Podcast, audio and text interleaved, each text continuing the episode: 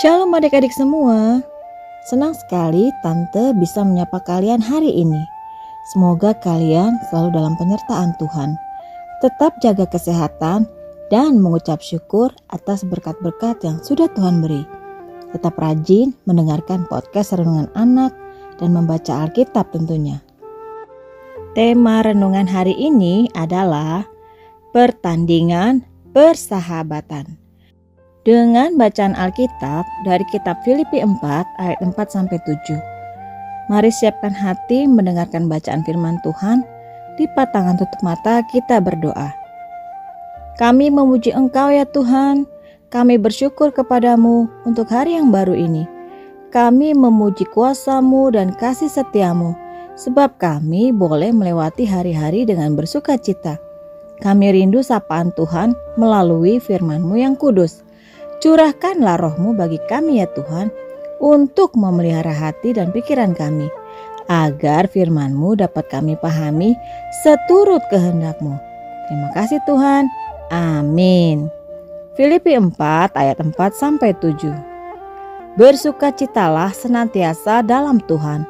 Sekali lagi kukatakan, bersukacitalah. Hendaklah kebaikan hatimu diketahui semua orang Tuhan sudah dekat. Janganlah hendaknya kamu khawatir tentang apa pun juga, tetapi nyatakanlah dalam segala hal keinginanmu kepada Allah dalam doa dan permohonan dengan ucapan syukur. Damai sejahtera Allah yang melampaui segala akal akan memelihara hati dan pikiranmu dalam Kristus Yesus. Demikian firman Tuhan hari ini. Adik-adik, Nats hari ini mengatakan agar kita jangan khawatir tentang apa pun juga.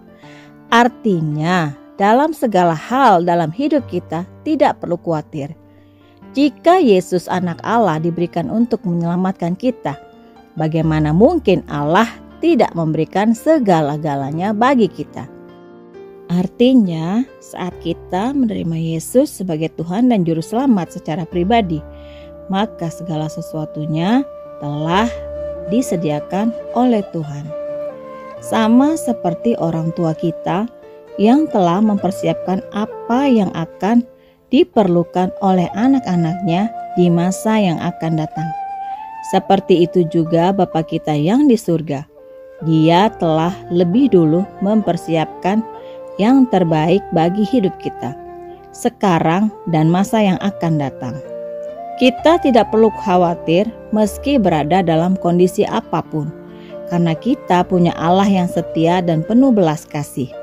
Berada dalam himpitan masalah sekalipun bukan berarti kita harus cemas, karena sesungguhnya Tuhan tidak pernah sekalipun meninggalkan kita menghadapi itu semua sendirian.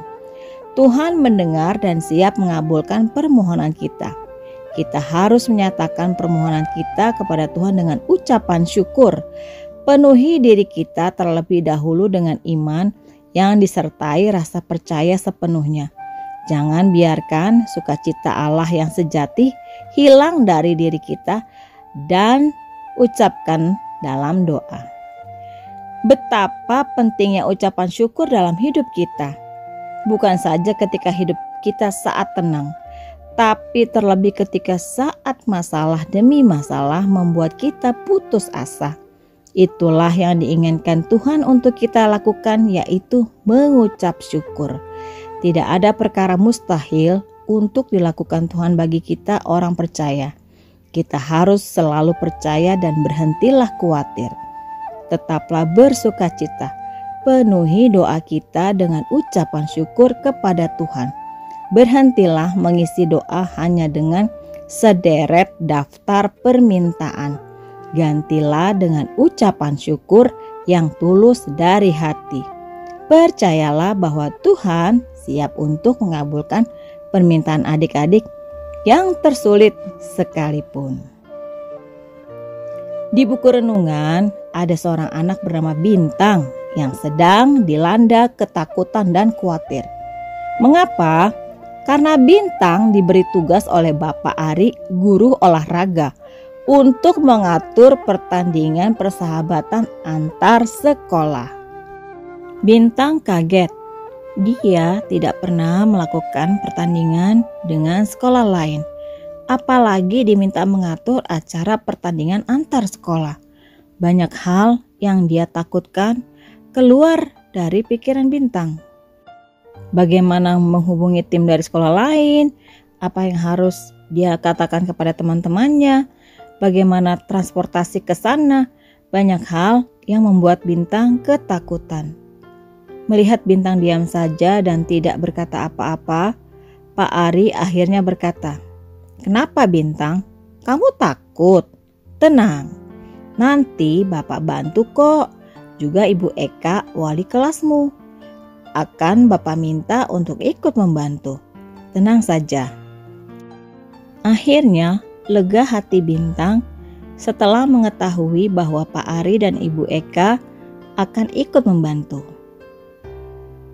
Nah adik-adik, pernah nggak sih adik-adik merasa cemas ketika diberi tugas yang terasa berat? Tentu pernah ya, karena setiap orang pasti pernah merasakan cemas dan takut, termasuk juga adik-adik di sini. Saat adik-adik tahu ada orang lain yang siap membantu dan membimbing adik-adik untuk melakukan tugas itu, apa yang adik-adik rasakan? Tentu adik-adik merasa lega bukan? Tuhan kita juga menyertai kita semua dalam kehidupan kita. Mari kita ucapkan bersama-sama. Aku tahu Tuhan selalu menyertai aku. Sekali lagi, aku tahu Tuhan selalu menyertai aku. Mari kita berdoa. Bapa di surga, terima kasih karena Tuhan selalu menyertai kami. Tuhan selalu menolong kami jika kami perlukan. Terima kasih Tuhan dalam nama Tuhan Yesus, amin. Demikian renungan hari ini. Ingat ya adik-adik, Tuhan akan selalu menolong kita saat kita perlu pertolongan. Jadi jangan takut lagi dan khawatir lagi ya. Tuhan Yesus memberkati.